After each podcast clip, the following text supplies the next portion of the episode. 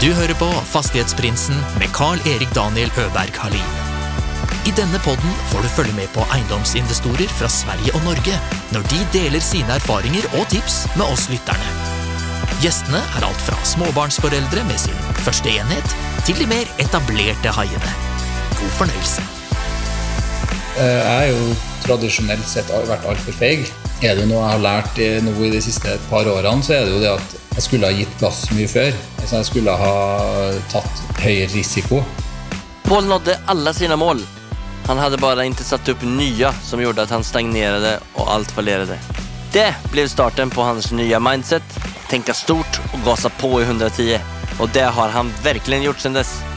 Sammen med sine partners har de på to år investert i flere tiotals nybygde leiligheter som de hyrer ut med bra kassaflöde i MySpot Living. Är det ens möjligt? Lyssna på avsnittet och få reda på hur. Med dagens gjest Paul Restad. Takk for det. Det er Veldig hyggelig at jeg kunne få komme, Daniel. Superkul at jeg fikk ta opp din tid i sånne her ferietider. Fast jeg jag har jo fulgt deg på sosiale medier. Det har ikke sett ut som du har, tatt har tagit så mye ferie än. Nei, jeg har jo en eh, jobb som tilsier at jeg jobber litt når andre har ferie, og så tar jeg ferie litt senere i år når andre sitter og jobber. Men det passer meg helt fint. Du hadde i hvert fall klart å klemme inn en liten tur over til Sverige her i helgen, var det ikke så? Jo da, det er jo riktig. Vi er, vi er jo ikke bare helga, vi, vi tok oss en langhelg. eh, Og det er jo egentlig en av de tingene jeg setter mest pris på, ved å jobbe med eiendom, er at man eh, er ganske fri til å jobbe fra hvor som helst. For eh, stort sett så går jo eiendomsinvesteringene av seg sjøl. Kan jeg logge meg på fra om det er fra Åreskutene eh, midt i en gondol eller en skiheis, eller om det er hjemme på kontoret på, på i Trondheim. Det spiller egentlig ikke så stor rolle. Så store deler av tida er jeg veldig fri. Det setter jeg pris på. Ja, men precis, og du sier at, kan, att eh, den typen av eh, investering som du gjør, kan man gjøre på flere, liksom, litt mer fleksibelt hvor du är. Eh, Kan du bare summere opp litt kort først, innledningsvis? Hvor mange enheter det du och dina partners har tillsammans eller som ni förvaltar och bara väldigt kort om vilken typ av strategi ni har som möjliggör att du kan driva på eh, lite varsamt i världen. Ja, eh, det ble, eh, det ble mange spørsmål og omfattende i starten her, men jeg skal, jeg skal Altså Per i dag så har vi gjennom selskapet som heter MySpot Living, da, eh, 20 utleide leiligheter. Eh, Konseptet er kort fortalt at vi kjøper helt nye leiligheter i prosjekter i Norge, og da spesifikt i Trondheim. Og så leier vi ut dem når de er ferdig, ferdigbygd. Vi har jo kjøpt eh, nærmere eh, 80 leiligheter i det selskapet. Men alle er ikke ferdig, så vi sitter jo og venter på at de blir ferdig. De som er ferdige, da, er de 20 som vi har tatt over eh, og eh, leid ut. Og så kommer det litt pø om pø. Vi har en ny leilighet som er ferdig nå på fredagen. Da er vi oppe i 21. Den er også selvsagt leid ut på forhånd. Eh, og så kommer det fem nye i høst, som er ferdig sånn rett før jul. Så vi havner på 26 enheter da, i det selskapet innen vi bikker nyttår. Men er alle leiligheter som ni kjøper eller har investert i hittil og tatt over, er alle de splitter splitternya? Alle er splitter nye. Det er hele konseptet. Vi kjøper kun eh, nye leiligheter på tegning i det selskapet. Det er et reindyrka konsept hvor vi ønsker å leie ut nye leiligheter til, til en leietager, en målgruppe som er litt grann glemt blant utleiere, mener jeg. Hvilken målgruppe det da?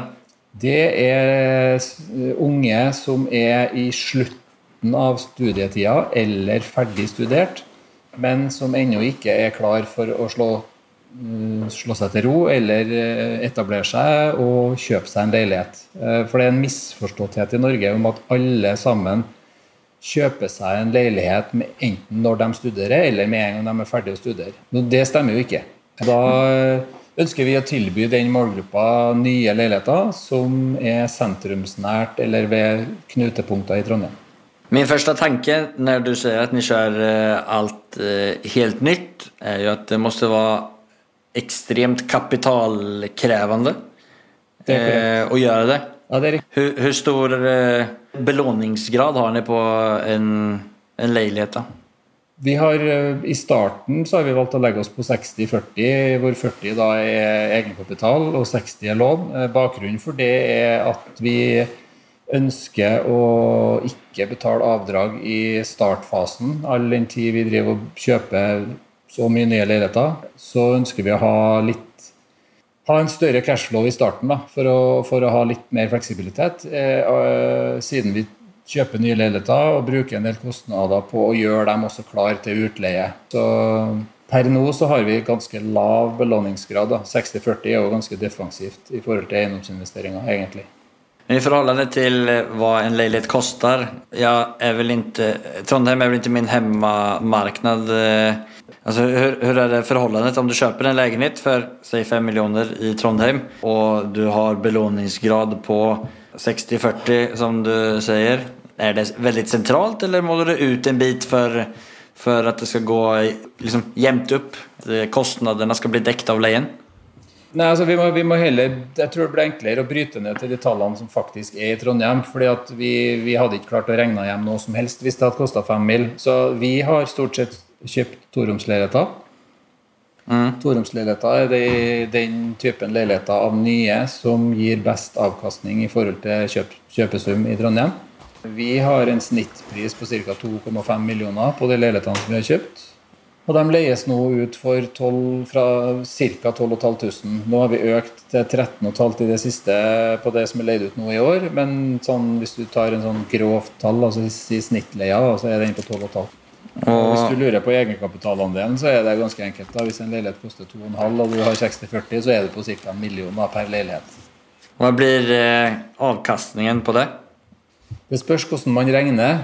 Og det her er kommer vi på litt av nøkkelen. da. Eh, For det, det vi driver på med, er jo ikke noe som alle sammen kan drive på med. Det er jo ikke sånn man starter å bygge seg opp en, en, en eiendomsportefølje, for da får du jo høre det motsatte. Det har man jo fått hørt, hørt fra i mange av de, de spennende podene som du har sluppet så langt, altså hvor man snakker om cashflow, hvor man er nødt til å ha objekter med god yield og god cashflow for igjen å kjøpe én eiendom som igjen er med på å betale en ny eiendom osv. Jeg kan jo alt om det der. Det er bare at vi ønsker å gjøre noe annet. Det finnes mer, det finnes mer enn nok tradisjonelle eiendomsinvestorer som leier ut brukte boliger. Det, det, det er et velprøvd konsept, og jeg sier ikke noe galt om det. Jeg sier bare at vi hadde lyst til å gjøre noe annet. Og avkastninga blir god, den, på sikt. Men vi er nødt til å hensynta prisstigninga. Og så er vi nødt til å hensynta en faktor som mange ikke er klar over, men som er en av grunnene til at vi har satsa på det som vi har satsa på. Nemlig at jeg og vi har en spesialkompetanse på å finne gode objekter i det markedet som vi jobber i. Kjøper du en ny leilighet sånn som det her tidlig i prosjektet i forbindelse med salgsstart eh, og gjør gode kjøp, så stiger den gjerne med 200 000-300 000 i pris, verdi, da, før den er ferdig. Det gir oss en god start på avkastninga på den leiligheten. Hvis man da tar et bilde og tar og tenker fra 2020, da, så når vi egentlig kom i gang, og sier 2030, da, ti år fram i tid, så kommer vi til å ha en veldig god avkastning på de leilighetene. Fordi at I tillegg til at leia stiger, så har vi da kjøpt leiligheter i et område som vi tror er undervurdert, og som kommer til å ha høyere prisvekst enn resten av eh, markedet. Og da, da, og da får vi totalt sett god avkastning på kapitalen vår. Og så kommer vi selvsagt underveis til å justere, og justere opp giringa, sånn at vi øker belåninga og begynner å betale avdrag osv. Samtidig som vi får hjelp av prisstigninga. Vi har jo allerede verdivurderinger på leiligheter som vi tok over i 2020, som, som er høy, mye høyere enn det vi kjøpte dem for. Vi bryter jo litt sånn tradisjonelle regler da, vet du, i forhold til eiendomsinvestering og utleie. Eh, Ref at alle sammen stort sett bare regner avkastning på leieinntektene, og så løpende direkteavkastning. Ja, nej, men precis. Flera, unnskyld at jeg avbrøt, men flere av de som jeg har snakket med tidligere, sier jo det at cashflow er det viktigste om man tar den her eh, som en bonus. Og det er noe som de ikke mener at man kan eh, regne inn i eh, sin kalkyl. Men der har jo du, eh, har ju du byggt upp en hel strategi på att motsäga dem. Har du något grundlag på at det er like trygt eller er det litt høyere risk med å gjøre på det settet som du, den veien du har gått? Jeg vil jo påstå at min måte er mindre risiko enn enn det andre. Eh, Men, men, eh, men det, det, det handler nok om at jeg er veldig trygg på det vi gjør, og det jeg kan. Jeg har jobba med nybygg hele min karriere som, eh, som eiendomsmegler og, og under Jeg har jobba med eiendom i over 21 år i Trondheim, da, og jeg opplever at jeg kan markedet ganske godt. Ja, det er jo selvsagt en risiko hvis man tenker at ok, men boligmarkedet kan jo plutselig gå dårligere. Det kan jo være at prisene snur osv. Ja, det kan det godt være. Det kommer, det, jo, det kommer de jo til å gjøre underveis i, i, på ti år. Vi har jo allerede hatt, uh, hatt koronasmellen 2020 som kom midt i oppbygginga vår. Uh, og den, den, gikk jo veldig fint. Og vi kommer til å få i hvert fall to eller tre smeller til i løpet av tida fram til 2030. Det har vi basert oss på. Så for oss så handler det jo bare om at vi ser jo gjennom de, den type brottsjø og uro. Vi får ut fasiten før i f.eks. 2030 da, eller i fremtida. Men både jeg og min eh, samarbeidspartner Geir og, og medieinvestor Håvard vi sover godt om natta i forhold til MySpot Living og den, eh, den satsinga vi har der.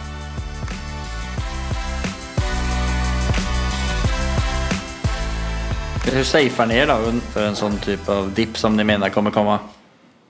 Nei, altså det handler, altså vi, går, vi tjener jo penger hver, hver, hver måned. Altså alle, alle eiendommene våre betales jo altså går rundt hver, hver, hver uke, hver måned. Så, så for oss så er det her et volum, en volumsatsing. Altså for oss er det viktig å ha volum.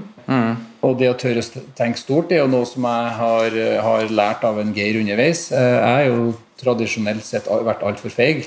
Er det jo noe jeg har lært i- nå i de siste par årene, så er det jo det at jeg skulle ha gitt gass mye før. Altså jeg skulle ha tatt høyere risiko. Når jeg og Geir starta sammen, så snakka vi om to, ti leiligheter, og så tok det ikke så veldig lang tid før en Geir sier at vi kan, vi kan ikke nøye oss med ti leiligheter, vi må i hvert fall ha 100. Og så sier jeg ja, ok. Og så, for jeg, jeg, jeg, var rett og slett ikke vant til å tenke så stort. Uh, Geir er en rutinert businessmann. Bygde opp sitt eget selskap på, på, på 20 år tidligere, og så, og så solgte han det. Og så har han fortsatt da med ulike investeringer gjennom uh, selskapet sitt, GC Holding, etter det. Så han er vant til å tenke Ja. stort, og, og, og har, har sett resultatene av det. For meg så har det vært en reise i forhold til det å, å få lære av han, i forhold til det å, å tørre å gi gass og tenke større. større da. Så nei, I forhold til det du spør om altså, Jeg har jo drevet med utleie i 20 år på privat hånd. Og, og der, det har jo vært noen kriser de siste 20 årene òg. Poenget med eiendom, og ikke spesielt utleie av eiendom, det er jo at ved hver krise innen eiendom, så øker jo leieprisene Ja. Det, er, har jo, det spiller jo ingen rolle om eiendomsverdiene i en kortere periode synker. For du skal ikke Nei. selge som eiendomsinvestor, så skal du jo sitte på det. Så, så lenge du ikke har kjøpt eiendom som du er nødt til å selge, hvis det blir ei krise, så vil jo krisa bare være bra. Og det samme, og, og det her har skjedd x antall ganger før. Men vi har ofte den samme diskusjonen på Twitter og i sosiale medier. Da, og Folk mener at nå er eiendom kjemperisikabelt for at prisene er på all time high. Og så er det sånn, Prisene har vært på all time high nesten annethvert år de, i 40 år. Så er det sånn, det her kommer ikke til å gå over. Det er jo bare noe folk tror. Men eneste grunnen til at, at det fortsatt vil være muligheter innenfor eiendom, er jo fordi at det hele tida alltid er noen som tror at nå skal det gå til helvete. Unnskyld uttrykket. Og dess flere som tror det, dess større sjanser er det for dem som klarer å se videre uh, muligheter. Uh, hvis man skulle ha brukt det tankesettet om at «Nei, nå er eiendom dyrt, så jeg skal vente, det er jo oppskrifta på å mislykkes. Da kommer du aldri i gang. Du nevnte tidligere at du ikke har tenkt så stort. Kan vi bare skru tilbake klokka litt? Du sa at du holdt på eh, på privaten i typ 20 år. Hvem, på, og hva han har gjort fram til at han eh, träffade Geir? Ja, det kan vi gjøre. Jeg er 46 år, er fra Trondheim. Har store deler av livet bodd her. Jeg har bodd i Trondheim egentlig hele livet, med unntak av fire år hvor jeg var i Forsvaret. Hadde med meg en eh, god oppvekst eh, fra, fra Kolstad, der jeg hadde eh, flinke foreldre som klarte å lære meg det at du, får ingenting gratis her i livet. Du må jobbe for det. Så jeg hadde med meg en stå-på-vilje og en drive hjemmefra. Visste ikke helt hva jeg ønska å oppnå, men jeg, jeg, visste i hvert fall at jeg ønska å oppnå noe mer enn kalle et A4-liv. Forsvaret var første stopp, og det var en, for meg en veldig veldig god lærdom. Der får man virkelig testa seg sjøl, mentalt og kroppslig. Og gikk befalsskole for, befalsskolen for kavaleriet, og så var jeg på Setermoen, og så dro jeg til Bosnia var der i 18 måneder. Eh, mm. Da får man også bli en veldig fin måte å sette ting i perspektiv på. For når du, da, når du har, er på patrulje i utlandet, og du kjører gjennom et land som er utbomba og sønderknust, og du, skjønner, og du ser at folk der likevel har det bra, eh, og de gjør det beste ut av det, det, det lille, de lille ressursene de har, så gjorde det veldig enkelt å innse hvor bra vi har det i Norge. Der og da bestemte jeg meg for at jeg aldri skal være nervøs for noe som er knytta til dagliglivet i Norge. Og Det har gjort at alt annet har på en måte det har, gjort, det har gjort det veldig enkelt å komme tilbake. Eksamener, du satt ikke og var stressa før du skulle når du begynte å studere, så, så satt du i rom med masse studenter som var dritnervøse, stressa. Og jeg prøvde å si at men slapp av nå. Det verste som skjer, er at du stryker. Så tar du en ny eksamen. Altså, Sett i perspektiv. Mm. Så det har jeg hatt med meg. Jeg begynte å studere økonomi når jeg kom hjem fra Forsvaret. For jeg visste ikke hva jeg skulle bli. Hadde ikke peiling på hva jeg skulle bli. Så da begynner man å studere økonomi. da. Det er vel stort sett det man studerer hvis man ikke har peiling på hva man har lyst til å bli. ja, det var, bra grunnkunnskap. Ja, det var i hvert fall det rådet jeg fikk. Hvis ikke du har peiling på hva du vil bli på, så studerer økonomi, så kan du bli alt mulig rart. Så ok, greit. Da gjorde jeg det. Og så var jeg med på noe studentverv. Jeg studerte på noe som heter TØ. Trondheim økonomiske høgskole het det den gangen. Og så hadde jeg et studentverv der hvor han som hadde hatt den samme, samme vervet som meg året før, hørte at jeg gjorde en god jobb. Han hadde begynt å jobbe som megler til notar. Og så begynte han å ringe meg og si at du, Pål, du, du, burde vært assistent til meg. Du burde jobba. Så da ramla jeg inn i, innenfor eiendom da, og begynte å jobbe som det man den gangen het, kalte meglerassistent, som i dag kalles trainee. Mm. Kunne ingenting om eiendom. Det var helt tilfeldig. Jeg hadde ingen ambisjoner altså Jeg visste egentlig ikke hva eiendomsmelding var. Jeg, visste, jeg hadde, hadde, ikke noe forhold til det. Men det var, det var sånn veldig god, gammeldags on the job training. Det var sånn Fikk litt sånn basisinfo, så var det noe visningsskilt, og så var det vær så god, ut og ha den visninga her. Ja, da lærer man ganske fort, da. Og så ja. oppdaga jeg at det der var jo Det her var kjempespennende. Så hadde jeg, og, etter, og så fikk jeg, fikk jeg en god karriere innenfor eiendomsmelding. Men veldig tidlig da, i min karriere, altså i mitt første år som megler, så fikk jeg et tips fra to stykker som jeg jobba sammen med, om at om kjøpe, jeg burde kjøpe en utleiebolig. Og jeg var vel tre Skal vi se hvor gammel jeg var. Det er 24 år ca. 4-25 år. Og så tenkte jeg ja, men det høres ut som en god idé. Og så ringte jeg banken og la fram den Jeg hadde jo fått hele business-casen fra de to kollegaene mine. Så la jeg fram det til banken og solgte inn det der. Og han sa at ja, nei, men det her, du har jo alltid hatt kontroll på det du driver med, på, så kjør på. Så det var i 2000, og da kjøpte jeg min første utleiebolig. Og da hadde jeg kjøpt min første bolig for å bo i to år før det. Og, da, mm. og det, var, det var et nyprosjekt. Eh, det var en toroms som vi skulle bygge om til en treroms. Og som jeg leide ut da når den var ferdig to år etter at, vi, etter at, etter at jeg hadde kjøpt den. da. Og så tok det jo ganske lang tid. Altså Den, den boligen bytta jeg ut osv. Eh, noen ganger. Men, men min, først, nei, min andre rene utleiebolig, sånn at jeg økte fra én til to, da, det, det, det, skjedde ikke før i 2012. Jeg har jo sett over dette litt tidligere en gang og oppdaga at jeg, jeg, har jo egentlig hadde veldig god fremgang fra jeg var i starten fra jeg var ung til jeg var 30 år. Og så hadde jeg egentlig et sånn tapt tiår mellom, mellom jeg var 30 og 40. Gjorde alle feilene som du kan gjøre i forhold til hamsterhjulet. Og brukte altfor mye penger på bil og hjem og egen bolig og forbruk. Og ja, slutta med mm. alt som var fornuftig og bra, egentlig. Og så begynte jeg å ta meg sammen igjen eh, på noen år etterpå. Hva var det som gjorde, tror du, at du Eh, det der? Har det noe med det å tenke stort å gjøre?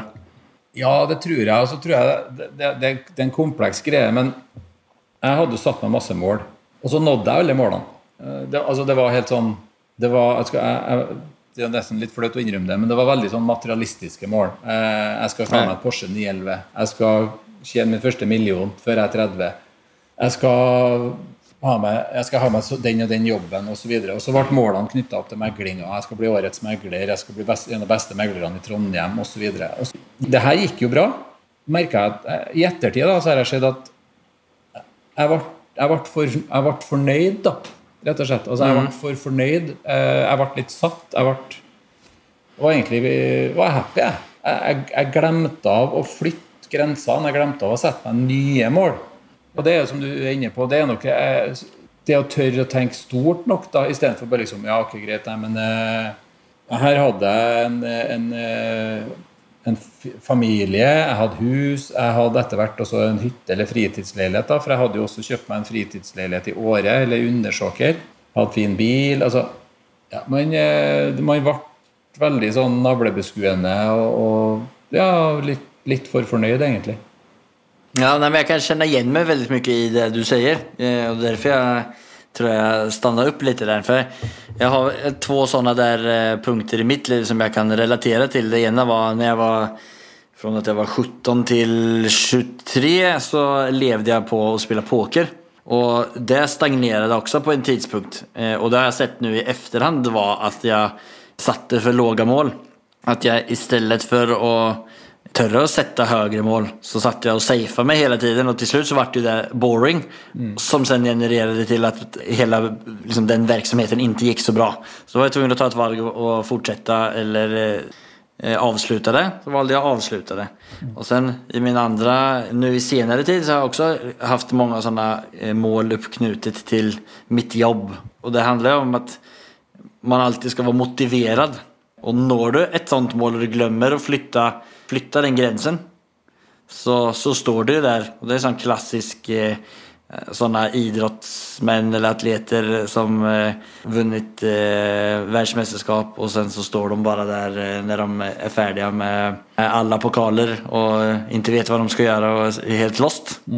Ska jag kanske inte dra, jämföra mig med en eh, världsatlet men eh, li, lite samma, samma känsla där. Ja. Jo, nej, men analogin er jo her, og det, jeg, jag tror du har rett. For min del så førte det där til at jeg, jag ble jo den beste versjonen av meg sjøl på hjemmebane heller. Så jeg ble jo verken en god far eller en god ektemann. Så det endte jo opp med at jeg ble kjedelig. Så det endte jo opp til slutt med at jeg ble skilt, rett og slett. Ja. Eh, For alt gikk jo på trynet. Og Det var på en måte den wake-up-callen som jeg trengte, hvor jeg innså at jeg måtte skjerpe meg igjen. Og Det var jo litt sånn eh, spesielt, men eh, vanligvis skulle man jo tro at man si, fikk dårligere råd og eh, hatt, var, en, var verre stilt da, når man nettopp har blitt nyskilt. Eh, Men det var jo rett etter at jeg hadde blitt nyskilt at jeg begynte å tenke at vet du hva, jeg må jo ha en ny utleieleilighet. Kan, det her går jo ikke. Jeg kan jo ikke holde på sånn som jeg har gjort nå. Nå må jeg jo gi gass. Så da begynte jeg å se, og så var det en liten dipp i markedet. Hvor jeg så at leiligheter som jeg tidligere hadde hatt lyst på, plutselig kosta to millioner, når de tidligere har kosta nesten to og en halv. Og så ringte jeg banken, og så la jeg inn, satte jeg inn caset, og så sier han at samme bankmann som tidligere. Ja, nei, men jeg er helt enig, Pål. Du har helt rett. Det er bare å kjøpe. Bankmennene i Trondheim er veldig hyggliga. Allting låter så enkelt. Paul bare plukker opp telefonen og ringer sin bankmann i Trondheim og så får han kjøpt en ny leilighet. Er det så enkelt? Ja, men altså, sannheten er at det er så enkelt, faktisk. For det, det her har vært rene samtaler. Eh, Jeg, har, jeg sitter jo nå og hjelper masse folk som henvender seg i forhold til at de ønsker å komme i gang med utleie. Og, og jeg får mye spørsmål. Og det er jo en del spørsmål og det er jo en del framgangsmåter som jeg ikke skjønner noen ting av. De sitter jo og skriver lange søknader til banken. De, sitter, sitter, de ber meg lese korrektur på søknader og sånn som de sender til banken. Og, jeg, og, og det er jo litt sånn Vent litt, kan ikke vi rykke tilbake til start? Hvorfor sitter du og sender en søknad til banken? Du, du bør ha en så god dialog med bankmannen din at du plukker opp telefonen og ringer til bankmannen din og sier at du, nå har jeg en plan her. Og så skjønner jeg at ikke alle sammen kan starte der. Men sånn helt ærlig, det var der jeg starta når jeg var eh, 24 år. eh, Eller hva det var. Jeg ringte banken min og så sier jeg at du, nå har jeg en plan. Jeg har lyst til å kjøpe meg en utleieleilighet. Sånn og sånn og sånn og sånn. Og så stilte han selvsagt flere spørsmål den første gangen, men i 2012 her så var det en samtale. Den var over på to-tre minutter. Jeg la fram bare prisnivået på de leilighetene, hva de lå på nå. Han visste at jeg hadde drevet på med utleie tidligere. Han visste at jeg kunne eiendom. Så så lenge tilliten var der, så var det så enkelt. Så sånn, ja, nei, men det her er greit, bare kjøp deg leilighet. Så ja, det, det kan høres litt, fe, litt eh, ut som eh, feige lag da, i forhold til boliglånsforskriften og den som er i dag. Jeg skjønner det, for den var ikke der i 2012. Men, men ja, det gikk faktisk så greit. Fra 2012 da, og frem til eh, før du, eller når du møtte Geir, eh, hvor mye hadde du klart å spare ihop det av egne leiligheter, eller hva hadde du for prosjektet gående da? 2013 så skjedde noe viktig, for da møtte jeg min nåværende kone. Eh, Da møtte jeg Eva. Så det var en bra, det ble en bra tillegg. Jeg fikk, eh, jeg fikk den motstanden som jeg trenger. Jeg fikk den partneren som støtter meg i tykt og tynt. Som vi, vi var veldig kompatible og utfordrer hverandre samtidig som vi støtter hverandre. Så det neste steget ble tatt eh, For jeg fortalte jo hun om eiendommene mine og tankene mine rundt det, og hun hadde jo syntes det vært spennende, eh, men hun, hun hadde ingen kompetanse eller kunnskap knytta til det med eiendommen og hadde lyst til å, å investere. Så, så vi kjøpte den eh, tredje nå, for min del sammen med hun i 2015. Og da, da, Det er jo basis av at eiendomsprisene har steget litt. Man har betalt ned på den eksisterende. Jeg har nok sikkerhet i vår portefølje. Vi hadde jo kjøpt oss et hus sammen eh, det året vi møttes, eller året etter vi møttes, eh, så vi kjøpte oss hus i 2014. Og så kjøpte vi vår fjerde enhet i 2019. Eh, også den da sammen med meg og Eva. Og da hadde vi underveis her bytta ut den leiligheten som jeg hadde i Undersåker, med et rekkehus, et radhus, da, i Duved, som vi tok over vinteren 2017. Og den har vi fortsatt. Hvor mange enheter blir det enn oppe i da? Da, altså alt vi har kjøpt her, er jo nybygg. Eh, Så den leiligheten vi kjøpte i 2019, den, var jo, den er ikke, var ikke ferdig nå før i sommer.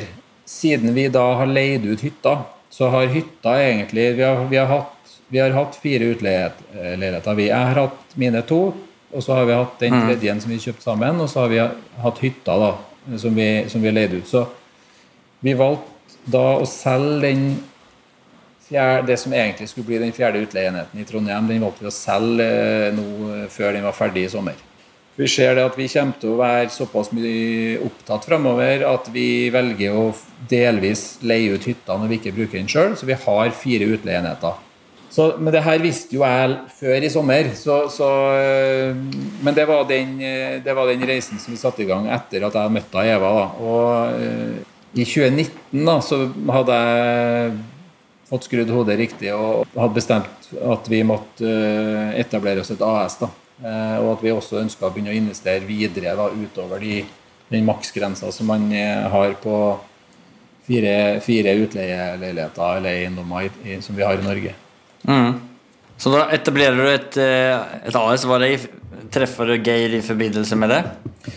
Nei, vi kan ta den der, vi kan ta det møtet der, for det der er litt interessant. For det, det, det mest interessante egentlig med min investeringskarriere innenfor eiendom, er jo at den først egentlig kom i gang etter at jeg endra kosthold og begynte å ta vare på kroppen og hodet. Jeg begynte å lese bøker igjen, jeg begynte å høre på podkaster, jeg begynte å skrive ned egne mål, jeg begynte å skrive dagbok. Jeg bestemte meg for å finne meg en mentor. Og etter at jeg begynte med de tingene her, så skjedde ting ganske raskt. Og det er jo egentlig litt pussig, for at jeg skrev ned i den dagboka som jeg hadde begynt å skrive eh, i 2019, så uke én så skrev jeg jeg må finne meg en mentor. På det tidspunktet her så hadde jeg møtt en Geir eh, en måned eller noe sånt tidligere, men, eh, og da syntes jeg at det var en spennende kar. Så jeg hadde invitert han på en lunsj og tenkt at eh, vi må Han har mye spennende jeg kan lære om. Og han, ville, han visste at jeg drev med eiendom, så han ville gjerne ha en eh, prat med meg. For han drev jo med eiendomsinvesteringer gjennom selskapet sitt. Ja. Og da spurte jeg Geir om han ville være mentoren min. Og da, det hadde han lyst til. Så, og det, det var sånn to uker etter at jeg hadde skrevet det i boka mi, at jeg skulle ha mentor, så hadde jeg ordna meg mentor. Så bra. Og det er jo noe med å skrive ned ting. For det, altså, mm. Man sier jo at hvis du skriver det ned, så skjer det. Det Skrev du med penne, eller skrev du på PC? nei, jeg du det med penn, ja. Ja, for det har jeg selv begynt. Ja, jeg sitter her med min, eh, min egen her. Ja, nei, og det, jeg, jeg skjønner det at for enkelte som hører på, så kan det virke litt sånn overtroisk. Altså sånn, eh, men, men for min del, da, effekten fra jeg gikk på å skrive ned målene liksom mentalt i hodet, til jeg faktisk begynte å skrive dem ned i bok, eh, effekten er enorm. Det er helt vilt hva som skjer. Å Det er jo noe med musklene. Jeg har lest at, det, at, du skriver med en penne. At du formulerer orden og at det blir enklere for hjernen å liksom, kanskje visualisere det som sen gjør at du sitter med en mentor to, två veckor senere. Ja, altså, jeg, jeg har brukt det der på fotball òg. Jeg, jeg var jo så lut lei av at Liverpool aldri vant Premier League, så jeg, jeg skrev jo ned i boka mi at 20, i 2020 så vinner Premier, Liverpool Premier League. Og det her skrev jeg våren 2019. Og Ja, okay. Liverpool var jo i, serie, var jo i toppen i 2019 òg, men jeg, jeg, jeg, jeg torde ikke å tro på det da. Så jeg skrev at ok, greit, i 2020 så vinner Liverpool Premier League. Og det, de gjør nå det òg. Så jeg Nei da, men Vi skal ikke dra for langt, men, men effekten Nei. av altså Jeg har gått inn etterpå og sett hvilke Jeg har satt meg langsiktige mål, jeg har satt meg kortsiktige mål. Det er en enorm eh, oppfyllelsesrate på de målene, på de kortsiktige målene, som igjen da bringer oss videre på god vei mot de langsiktige målene. Ja, så kul. For du gjerne deler med deg, men du deler jo med deg ganske mye om det på, på dine sosiale medier. Så i forbindelse med når vi slipper denne eh, episoden så tenker jeg du får dela med deg litt om, om det om du vil. Ja, nei, men det skal vi, det skal vi få til. Nei, altså, Jeg og Geir vi fortsetter å ha lunsjer, for det var en hyggelig lunsj. Vi, hadde, eh, vi oppdaga at vi snakka samme språk, og, og vi fylte ut hverandre på en veldig god måte. Så, så vi, vi hadde jevnlige lunsjer knytta til eiendom, egentlig. da. Etter hvert da, så, så fant vi ut at det her kunne jo føre til et samarbeid. Jeg hadde en idé og kunnskapen. Geir hadde den, den samme ideen og hadde kapital. Også det er veldig utfyllende egenskaper. Så etter å ha delt litt om tankene mine rundt hva jeg hadde lyst til å gjøre, og hvordan jeg så for meg at vi kunne bygge opp et selskap, så, så sier Geir at eh, du, istedenfor at du bare er rådgiver for meg, kan ikke du begynne å jobbe for meg? Så jobber du i GC Holding, og så, og så får du ansvar for eiendomsinvesteringene, og så blir du med på eiers, eiersida i det nye selskapet som vi bygger opp. Og det, var, og det var starten. Det var en veldig god timing, for da hadde jeg allerede kommet til et, en beslutning at kom aldri til å bli fornøyd med å bare være ansatt. Jeg var nødt til å begynne å investere, ha større sjanser. og ja, så, så time, Hva som skjedde først her og først og sist, det er egentlig nesten litt sånn vanskelig å si. fordi at jeg hadde allerede bestemt meg. Visste ikke, jeg visste ikke i hvilken form jeg skulle gjøre det. Jeg hadde begynt å skrive ned tanker i forhold til Jeg hadde begynt å lage navn på eiendomsselskapet som jeg og Eva skulle stifte. Vi hadde bestemt oss for at vi skulle investere, men jeg visste ikke hvordan vi skulle gjøre det. Men jeg begynte å, å hadde begynt å snakke med folk om det, begynt å snakke med andre folk om det. Eh, lufta tanker og sånn. Og så kom Geir på banen i forhold til å tilby meg en jobb som egentlig gjør at jeg kunne kombinere begge deler. Altså Jeg fikk jo medeierskap, jeg fikk jo være med å bygge opp noen ting samtidig som jeg eh, også har bonusen av å, å faktisk ha lønn. Det er jo ikke en eh, perfekt eh, Egentlig. Ja, det vil jeg si. Ja.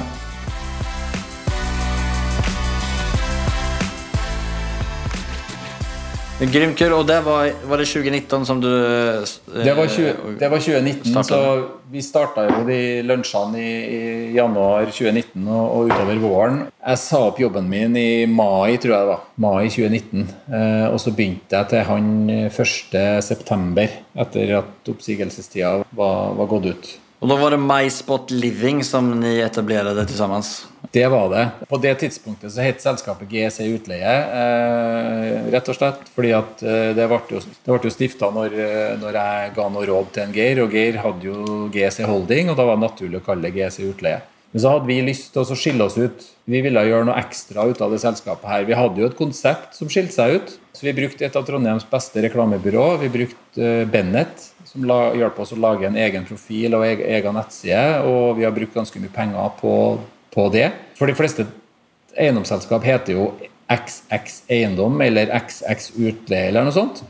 Og, og, vi heter, no- og vi heter MySpot Living. Og hvis Ja. man går inn på nettsida, så vil man se at den, den oser av, av rosa og sterke farger. Og ja, den er kul, annerledes og skiller seg ut. Eh, og vi har fått vi har oppnådd akkurat det vi ønska. Altså det der har blitt en suksess, og vi er veldig fornøyd med den jobben som ble gjort der. For leietakerne finner oss på nett uten at vi har annonsert. Eh, leietakerne syns at vi ser seriøse og ordentlige ut. Det er en kjempefordel, og det gjør det lettere for oss å ha fornøyde kunder. Det, det er vi veldig opptatt av. Vi mener jo at vi er i servicebransjen. Ja. Jeg har et litt annet syn på leietakere enn en del eldre utleiere har. Men hur, tror du at de eh, som søker leiligheter, finner det lettere på nett enn andre? Da?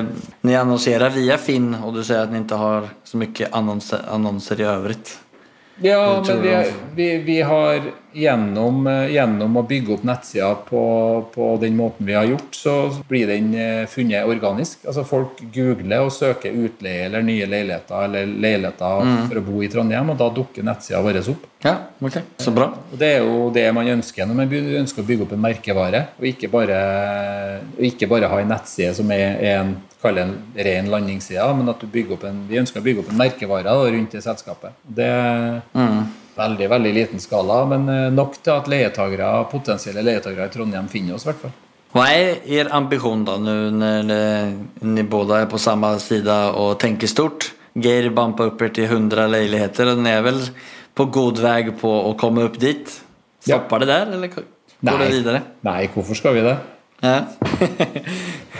Nej, er det bare å kjøre på i samme takt? Det er jo bare å kjøre på i samme no takt. Er det några, någonting som kan begrense dere for å komme dit? Alltså, är den, som sagt, ni har jo bundet ganske mycket kapital i det. Eh, På et eller annet tidspunkt så blir vel det noe som kan bli utfordrende. Hvordan tenker ni innenfor den perioden? Ja, jo, det, det, er jo et, eh, det er jo et eh, relevant spørsmål. Og det er jo det, er jo det som potensielt kunne ha stoppa oss, som du sier, kapital. Men, men eh, der har jeg en, eh, en interessant eh, erfaring å dele.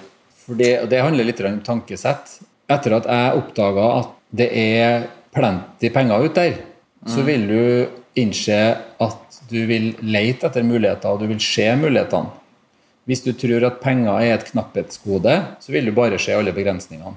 Og det vet jeg veldig godt, for det gjorde jeg i mange mange år. Jeg var veldig god til å si Jeg kan ikke gjøre det, jeg får ikke til å kjøpe meg en leilighet til, osv. osv. Jeg blir stoppa av det, jeg, blir, jeg har ikke mer penger, osv. osv. Etter hvert så har jeg innsett at altså det, det høres kanskje litt flåsete ut, men det er sant. da, Det kryr av penger ut der. Altså Det er bare å se på aksjemarkedene og, og ulike andre investeringsmarkeder ut der. I, I verden i dag så er det masse folk som har altfor mye penger, og som egentlig ikke vet hvor de skal plassere dem. Så vi ser ikke på kapital som et begrensende element. Fordi at i det, ja, GC Holding vil på et eller annet tidspunkt komme til en begrensning, så lenge vi sitter og eier alle leilighetene sjøl. Ja. Men vi har jo masse folk som vil samarbeide med oss. Okay. Så det er jo bare for oss å åpne opp døra og ha med oss investorer. Så det handler bare om hvor stor vil vi bli. Vi, per nå så, så har jo alt det vi alt det vi la til grunn, det har skjedd. Hvilket gjør at vi har tillit til at vi har et godt fundament, og vi kan fortsette å bygge videre på det. Alt er bygd opp digitalt. Det er veldig lett å skalere. Da er det egentlig ikke noe- noen begrensninger i forhold til hvor stor vi kan bli. Nei.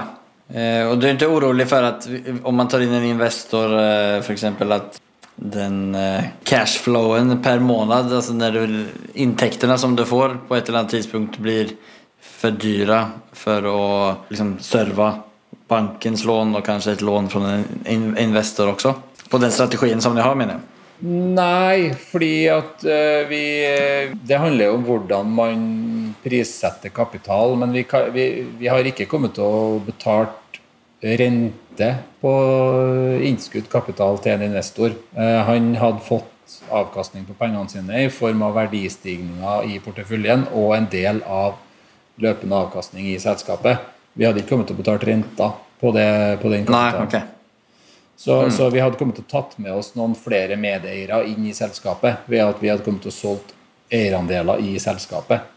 Og gjennom det fått tilgang på mer kapital. Vi var i en prosess hvor vi vurderte å gjøre det i fjor, og så innså vi at vi er så godt rigga per i dag at vi ikke har noe behov for det. Så vi utsatte den prosessen. Og så skal vi se en gang i 2022 om vi åpner opp for eh, eksterne investorer da. Din strategi som du har her, skiljer seg ganske mye som, säger, som vi snakket om tidligere, mot de tidligere gjestene som jeg har hatt. Og settet som, som din strategi er oppsatt på muliggjør jo ett, at du kan skalere og bli ekstremt stor. Två, at du kan kjøre på og skalere og bli kjempestor uten å investere egne pengar. Det låter ju som den mest optimala strategin. Vad är det som gör att inte alla tar den här vägen? Kanske väljer den, den cashflow-metoden. Det tror jeg er flere ting. Det, altså det, for det første så er det jo Man skulle jo gjerne ha kunnet investert eh, Altså, eh, altså kom, fått, fått, det til uten å investere egne penger. Men, men eh, alle vi som er med og eier MySpot Living, har jo investert egne penger. Men så er det jo ikke noe hemmelighet at en av de eierne har mer kapital enn oss andre.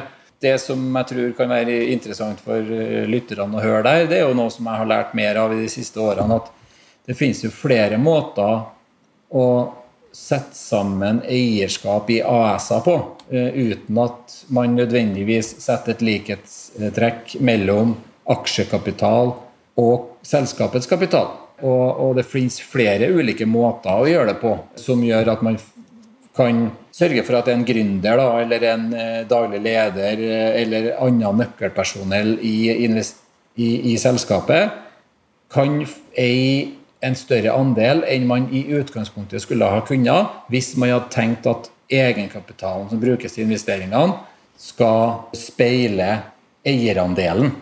Ja. Og det er flere måter det kan løses på. Vi har noe som heter, for, altså det er noe som heter Blokk-Vatne-metoden, som er en metode som er godkjent i Høyesterett i Norge. Som skisserer vi snakka litt om det på forhånd, vi skal ikke gå teknisk inn i det. For da må man ha bistand fra advokater og sånn, men det er en modell da, som eh, kort fortalt gir kalle daglig leder da, en mulighet da, for å uh, få eierskap uten at en betaler for den kapitalen som brukes i investeringene. Og så er det en modell som gjør at du betaler den dagen exiten er, men du får med verdistigninga for hele den eierandelen din. Og så er det en ja. modell som er godkjent, som gjør at det ikke blir regna som en opsjon. For opsjoner blir du skatta av. Og Det har vært litt vanskelig i Norge å finne løsninger som gjør det der mulig, uten at det blir regna som opsjoner, og uten at det trigger skatt før det egentlig er skapt noen verdier. Men det er en måte. En annen måte er å skille mellom aksjekapital og egenkapital. altså I forhold til at selskapet så har selskapet en aksjekapital på f.eks. 100 000, og du stiller med 40 000. Eh, og eier 40% Investoren stiller med 60 000 og eier 60% Og så kjøres all egenkapitalen til selskapet som, som, man skal bruke til investeringer, den lånes inn av investoren. Med eller uten rente, det er avhengig av business case. Men det trenger ikke å være samsvar mellom aksjekapitalen og egenkapitalen. Og så har du en siste modell som egentlig er noe av det samme, men du kan ha f.eks. at du stiller med 10% av eh, en, eh, av en eh, eiendomssum. Investoren stiller med resten. Når det gjelder avkastning av oppgjør, så er det opp til den kjøpesummen som man har kjøpt for, og det man har gått inn med. Så får alle igjen krone for krone. Og så har man på forhånd avtalt at overskuddet skal deles f.eks. med 35% til deg og 65 til investoren. Mm. Og Da kan man jo si at ok, hvorfor skal noen gå med på det her? For det er jo gjerne det man tenker hvis man ikke har vært med på den type modeller. Hvis man ikke har snakka med folk som har ledig kapital å investere i. Og det er altså Felles for det her er jo at investorer ønsker jo at den som driver selskapet, skal ha en ekstra oppside utover lønn eller som en betaling for den innsatsen som, som legges ned. Og Det skapes en vinn-vinn-situasjon. Og så er det jo en forutsetning her at du har tillit i sånne modeller for at de skal kunne gjennomføres. Men uten tillit så hadde man jo aldri samarbeida med noen. Eh, og da er det sånn, Hva skaper tillit? Jeg tror at det, det, det er jo flere ting. Men, men, du kommer jo ikke i denne type situasjoner hvis du ikke har en viss form for kompetanse. Det er jo et av mantraene mine, og grunnen til at jeg skrev Utleieguiden, det var jo at jeg ønska at folk skulle få kompetanse knytta til utleie. For det er veldig mange som ja, 'Hvordan skal jeg komme i gang med utleie?' Ja, nei, men Du må i hvert fall lære deg basicen. da. Hva er det som den utleieguiden tar seg for? Nå er det jo en bok, så det er jo litt lenger enn å bare ta det i én setning. Men uh ja, jo, men det, er det Altså Det er egentlig som det står på, første, på, på, på, på nederste delen av førstesida. Altså det er boligutleie fra A til Å. Altså det, det er en komplett guide egentlig, altså, som tar for seg alt du trenger å vite om eiendom i forhold til fra du skal finne en utleiebolig, til du driver og leier den ut hvor jeg har beskrevet hvordan, det, hvordan, man regner på eiendom, hvordan man regner på avkastning på egenkapitalen på eiendom, hva som skiller det fra aksjeinvesteringer osv., og, og hvordan du skal finne eiendommer på Finn, hvordan du skal lage en utleieannonse, hvordan du skal, hva du skal tenke på i forhold til kontraktskrivninger, finne leietagere osv. osv. Finansiering, ikke minst, er et viktig kapittel. Grymt bra. Hvor er det man får kjøpt den boken? Den finner man på min hjemmeside, palrestad.no. Den skal bli spennende å få sette tennene i. Du startet jo som eiendomsmeglere eh, og jobbet med det. Og parallelt kjøpte du og hyrde ut en del eh, leiligheter underveis. Og så har du havnet opp i den eh, interessante situasjonen som du er i i dag med, med MySpot Living. Om du hadde gitt et råd da til en som vil komme inn på eiendomsmarkedet i dag, så er det at de har 500 000. Hvilken vei hadde du rådet dem til å gå? Gitt at man ikke har noe erfaring og er ung og i starten, så, så det er jo én ting jeg angrer på at jeg ikke gjorde mer av når jeg var yngre. Altså, jeg ville ha starta med flipping av boliger, som det populært har blitt hetende. Altså, du kjøper noe som er slitt, du tilfører det verdi eh, ved å pusse opp det. og Optimalt sett så klarer du å sitte og beholde den ved å leie den ut, og, og du kjører en, eh, en, variant av det amerikanerne kaller BRR-strategi. Buy, rehab, uh, rent, refinance and repeat. Mm. Nå skal det litt til å få til det på, på, sånn at du 100% drar ut egenkapitalen din i Norge, men, men jeg ville lest meg opp og hatt med meg det prinsippet, uh, og eventuelt gjort den norske varianten, som er da kjøp noe slitt, pusse opp det, bo der i ett år, selg skattefritt gjør det igjen. Til du har nok kapital til at du kan velge å sitte på eiendommen og leie den ut, og så gjør du, det, gjør du det om igjen. Jeg tror det er en god måte å starte på, fordi at du kan jo ikke starte med å gjøre det jeg gjør. Altså, Jeg har jobba med eiendom i over 20 år. Jeg sier ikke at du må ha 20 år for å gjøre det jeg gjør, men, men det er nok en medvirkende årsak til at Geir hadde tillit til å la meg få ansvaret for vår satsing. Det det var den erfaringen jeg hadde, og den kunnskapen jeg satt på. Så hvis du starter på scratch, så er det viktigste å komme i gang. Og ikke bare ja. sitte på gjerdet og, og, vente på en god mulighet. Altså, mm. Ja, for all del, sånn som det har vært i fjor og fram til nå nylig, så skal man være litt forsiktig når man kjøper, i forhold til at du passer på å gjøre et godt kjøp. For det, for det er viktig uansett. Men ref det jeg sa i starten i forhold til all time high, det har nesten alltid vært en all time high, med unntak av noen få perioder på ett og to år hvor det har vært en liten sånn nedgang. Så det er ikke noe vits å sitte og vente på et krakk. Da kommer du aldri i gang. Nei, Nei men det er grymt bra tips. Det er flere som har kommet med det tipset også, så det ligger vel noe i det å bare komme i gang. For det, om man vil satse på eiendom så har man vel forhåpningsvis eller så har man formodentlig ambisjoner om å ikke bare ha en leilighet. Så at den første kjøpet som du gjør er det beste er jo formodentlig ikke helt riktig heller. Eller stor sannsynlighet at det er tilfellet. Men som sagt, man skal ikke gjøre et dårlig kjøp bare for å komme i gang. Det ligger en, poeng, en viktig poeng i det. Ja, altså, det må ikke nødvendigvis være det beste kjøpet ditt i historien, for det klarer ikke du å få til. Men, men du, du, kan jo tjene penger på hovedsakelig to måter på eiendom. Sant? Ja, det er når du kjøper, og så er det eventuelt mm. å tilføre verdi gjennom da oppussing eller legge til rom eller osv. Og det er ikke noe tvil om at den uh, nummer én er viktigst av alle. Altså, det er når du kjøper en eiendom at du virkelig gjør en god deal. Det er noen som tror at det, det, du gjør den gode dealen når du selger den, men, men, ja, det er da du får realisert deg. Men du, det er å kjøpe som avgjør om du til syvende og sist har fått gjort et godt kjøp eller ikke. Og dermed mm. igjen i fremtida får et godt salg. Å gjøre en god deal det tror jeg du får til ved å rett og slett være godt opplyst om det markedet du ønsker å kjøpe i, og satt deg godt inn i det og gjør dine forundersøkelser. Da får du til å mm. gjøre et godt kjøp. Og jeg vet av masse folk som har kjøpt gode leiligheter det siste året. Ja. Det er ikke lett, men, det, men, men dem som står på, de har skaffa seg eiendommer det siste året. Supert. Da har vi faktisk kommet fram til vårt neste segment, som heter Affærsanalysen. Der deler vår gjest med seg av et gjennomført kjøp.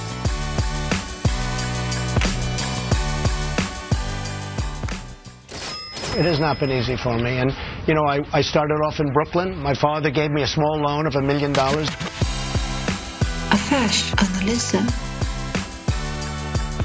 Så har du tenkt på noen eh, spesiell deal som du vil dele med deg med, Pål?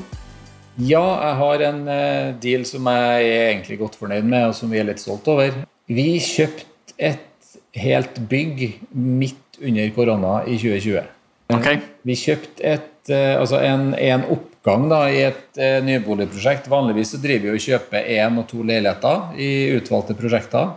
Men i eh, april i 2020 så drev vi og forhandla om å kjøpe et helt nytt bygg. Eh, bakgrunnen for at vi er, vi er godt fornøyd med det, det er jo flere ting, selvsagt. Men det var jo på det tidspunktet så var det ingen i hermetegn da, som ville kjøpe nybygg. Fordi at Nei.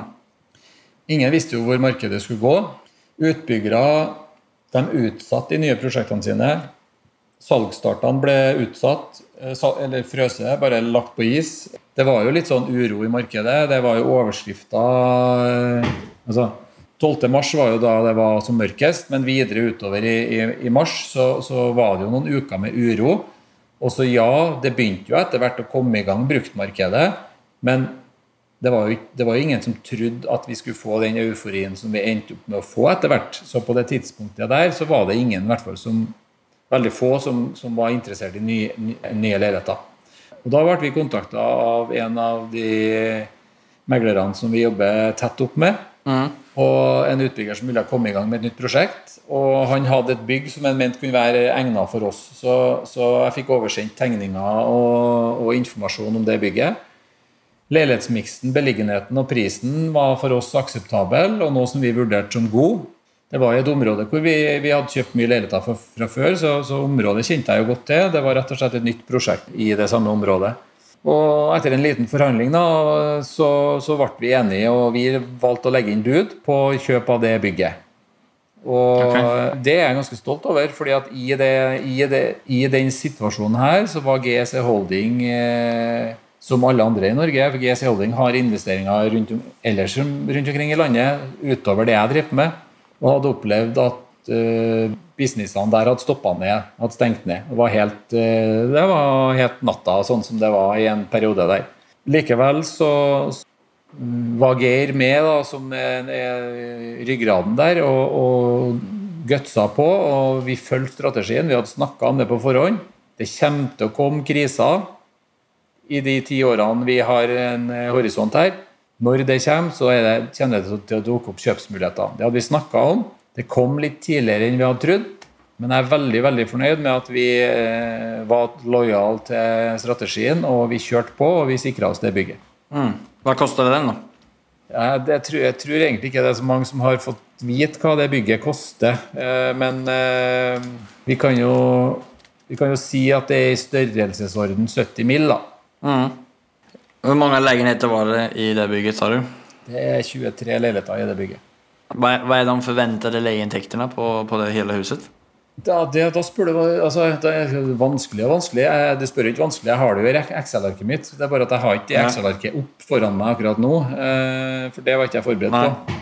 Det er en riktig miks av leiligheter da, i forhold til det bygget. Jeg har ettroms, toroms og fireroms. Og ingen Mm. treroms. Og jeg er egentlig veldig lite glad i treroms, for dem er det særdeles vanskelig å gjøre butikk på, i hvert fall her i Trondheim. Er det for at det ikke finnes så store familier i Trondheim? eller? Det er vel generelt for at veldig få familier leier. Hvis du skal ha en treroms, det er jo par som har god råd, kanskje. Men de fleste parene leier toroms. Ellers er det to venner som går sammen, men eh, det, det, det er mer vanlig at tre venner går sammen og leier en firoms, egentlig. Så jeg syns at leieforskjellen er, altså leieprisnivået mellom toroms og treroms er for lite. Da. Så per, jeg vet at det er et særtrøndersk fenomen, for i Oslo så er det bra å leie ut treroms, men det er det ikke i Trondheim. Nei, men det er jo det er interessant å få djupdyka i en annen type av deal enn hva vi, hva vi vanligvis gjør i det her segmentet. Har ni taget over den, eller? Nei, den er ikke ferdig før eh, høsten 2022. Ja, men Sjukt spennende. Jeg, jeg skjønner jo at man egentlig ønsker tall, men det, det, de tallene vil ikke si så mye. Altså, for oss er det her et veldig bra bygg. Eh, altså, det, er, det viktigste her er vel egentlig å tørre å følge strategien og tørre å gi gass når andre bremser. Det er da du gjør de virkelig gode kjøpene. Vi kunne jo solgt det bygget og tjent 10 mill. i dag Okay. uten at vi har løfta en finger, annet enn å signere kontrakten. Eh, Ja. Vi har jo blitt eh, vi har jo fått vi har jo blitt kontakta om vi ønsker å selge, eh, selge bygget, men det er, for oss er det ikke aktuelt. Nei. Så vi er veldig godt fornøyd med den dealen og det tankesettet som ligger bak den dealen, som vi på en måte er godt fornøyd med. Men det vil også gi økonomisk resultat, definitivt. Men det å tørre å stå imot strømmen, det å faktisk gjøre det vi sa vi skulle gjøre, det er vi veldig fornøyd med. Nei, det er grymt. Då hoppar vi vidare till vårt nästa segment som heter Fyra frågor. Det är de samma fyra frågorna som eh, vi ställer varje vecka.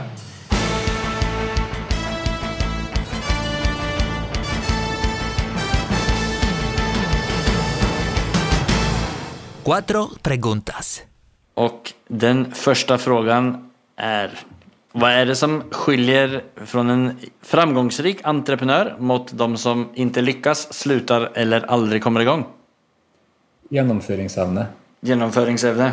Mm. Ja. Noen mennesker har det, noen mennesker har det ikke. Eh, kort fortalt. Det, Jeg tror det ligger der. Eh, du kunne sikkert ha sagt mye, men mitt hoved Det første jeg tenker på i forhold til det, det er, er rett og slett gjennomføringsevne. Evnen til å faktisk sette i gang. Få det gjort. Istedenfor å bare prate, bare skrive, bare tenke. Eh, men gjør det. Faktisk gjør det. Og bare kom i gang med det. Og når jeg sier gjennomføringsevne, så mener jeg også da evnen til å fullføre det du har starta på. For det, det må ikke misforstås. For det er jo noen gründere og noen kreative personer som er et oppkomme av ideer, og som gjerne setter i gang ting over en lav sko, men de fullfører aldri. Det, det er ikke gjennomføringsevne. Det er kreativitet og oppkok av nye ideer. Det er, det, det, det er langt unna gjennomføringsevne, for du må fullføre det du starter på hvis du skal ha gjennomføringsevne. Og det tror jeg du må gjøre hvis du skal lykkes. Grymt svar. Nummer to. Om du hadde ubegrenset med penger, fikk kjøpe hvilken eiendom som helst i hele verden, hvilken hadde du tatt da? Da hadde jeg kjøpt ei, eh, ei rekke med bygårder som ligger ved kaikanten i Stockholm, der båtene går ut til Skansen og videre utover eh, skjærgården. Der ligger det en del helt fantastisk gamle bygårder som jeg har sett på hver gang jeg er der, og bare drømt at en sånn en skal jeg ha. Og hvis jeg har ubegrensa med penger, da kan jeg liksom kjøpe hele rekka. Står det i, eh, i boken din? Nei, det- i, eh, i, i, din, I din dagbok tenkte jeg på et av dine mål. Ja, Har det, det, det, till... den, den, står, den boka, ja, den står Jeg tenkte du mente Men Nei. ja, den står i den, eh, den lille svarte boka mi. Det gjør den. Ja, fett. Spørsmål nummer tre. Beste boktips for en som er interessert i eiendomsinvestering? Ja, der er det jo eh, kan ikke si noe annet enn det som alle andre har sagt, men, det- altså, men jeg, har noen, jeg må legge til noen, for alle, alle må lese Rich Dad Poor Dad. Hvis ikke du har det så, som eiendomsinvestor, så, så, så har du missa plenty. Men eh, det har jo men jeg, kom, jeg må komme med noe nytt, da. Så eh, Ei bok som jeg faktisk nå nylig har lest, og skulle ønske jeg hadde lest tidligere òg, det er Four Hour Work Week med Tim Ferris.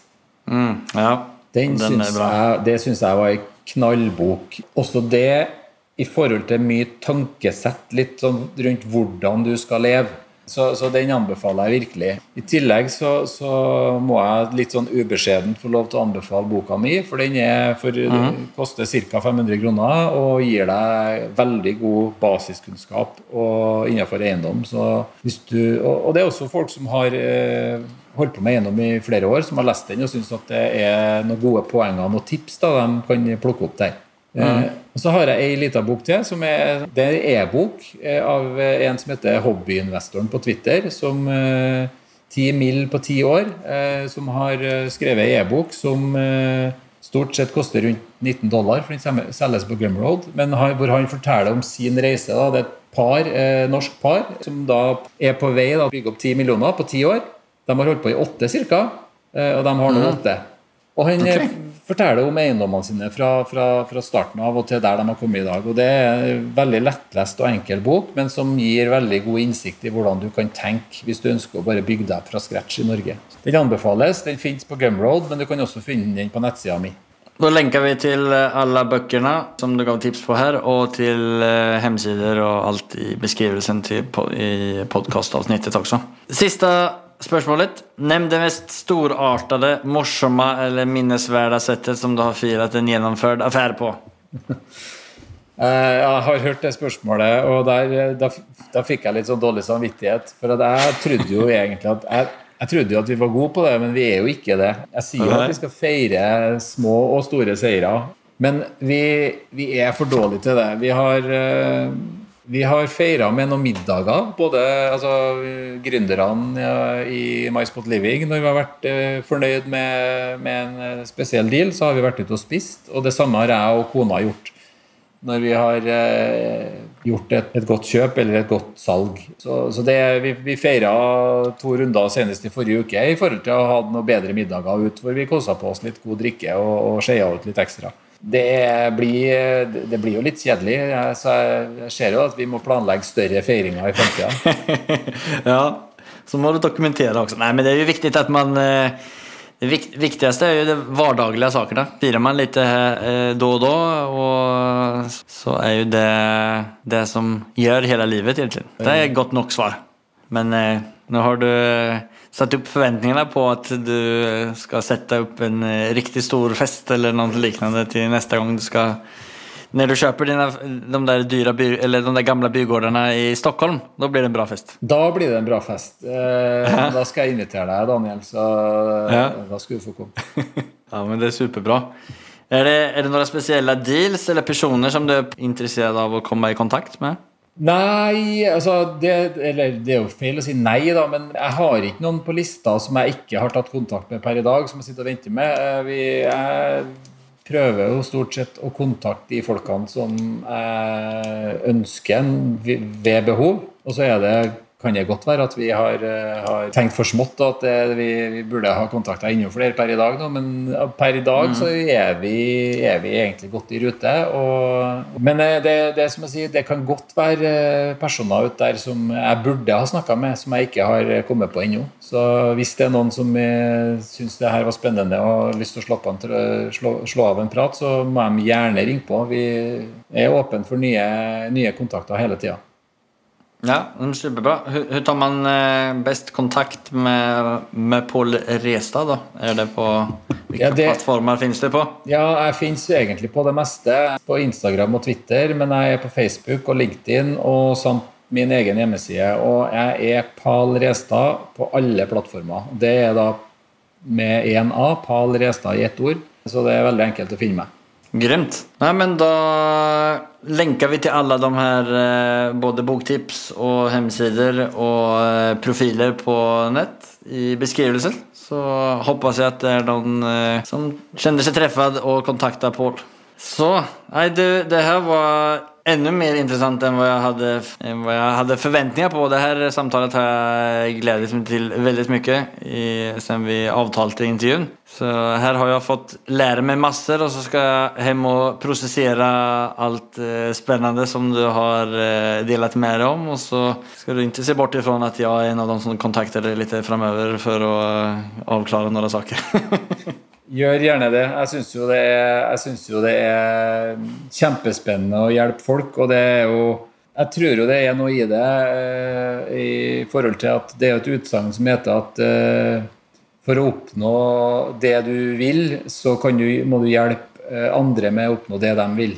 Og jeg syns det er artig å dele av kunnskapen min, og det er derfor jeg oppretta bloggen. Og, og det er derfor jeg skrev boka. Og det få ting som er mer si, motiverende enn når jeg får meldinger tilbake fra folk som har kjøpt seg sin eh, neste eller sin nye utleiebolig etter å ha fulgt tips og råd fra meg. Det syns jeg er utrolig kult. Det uppskattar jag jättemycket och tusen takk for at du eh, tog dig tid av å være med her og prate med meg Paul. Så eh, får du ha en strålende fin dag i Trondheim. Takk for det. Takk for at jeg fikk være med. Det har vært eh, veldig hyggelig å prate med deg, Daniel. Så lykke til med dine videre eiendomsinvesteringer. Jeg vet du jakter på. Takk så mye. Ja, det der med mål som Pål er inne på er, är viktig. viktigt.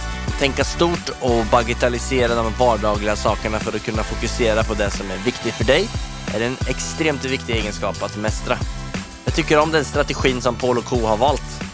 Väldigt intressant och någonting som jag ska undersöka mer om. Har du några tankar om strategin eller om avsnittet? Gå då in på Instagram och följ Fastighetsprinsen och kommentera under Pauls bild. Ja, det här med att skriva i dagbok som Paul eh, tar upp, det är ju väldigt intressant. Som hockeylaget Liverpool kan vinna Premier League för att Paul skriver det i sin bok, ska jag nog ja, men skriva jag också. Jag och Petter Stordalen skal gjøre en rapplåt om eiendom, som skal bli neste års sommarplåga. Da legger jeg ned pennen og låter blekket torka. Ha det!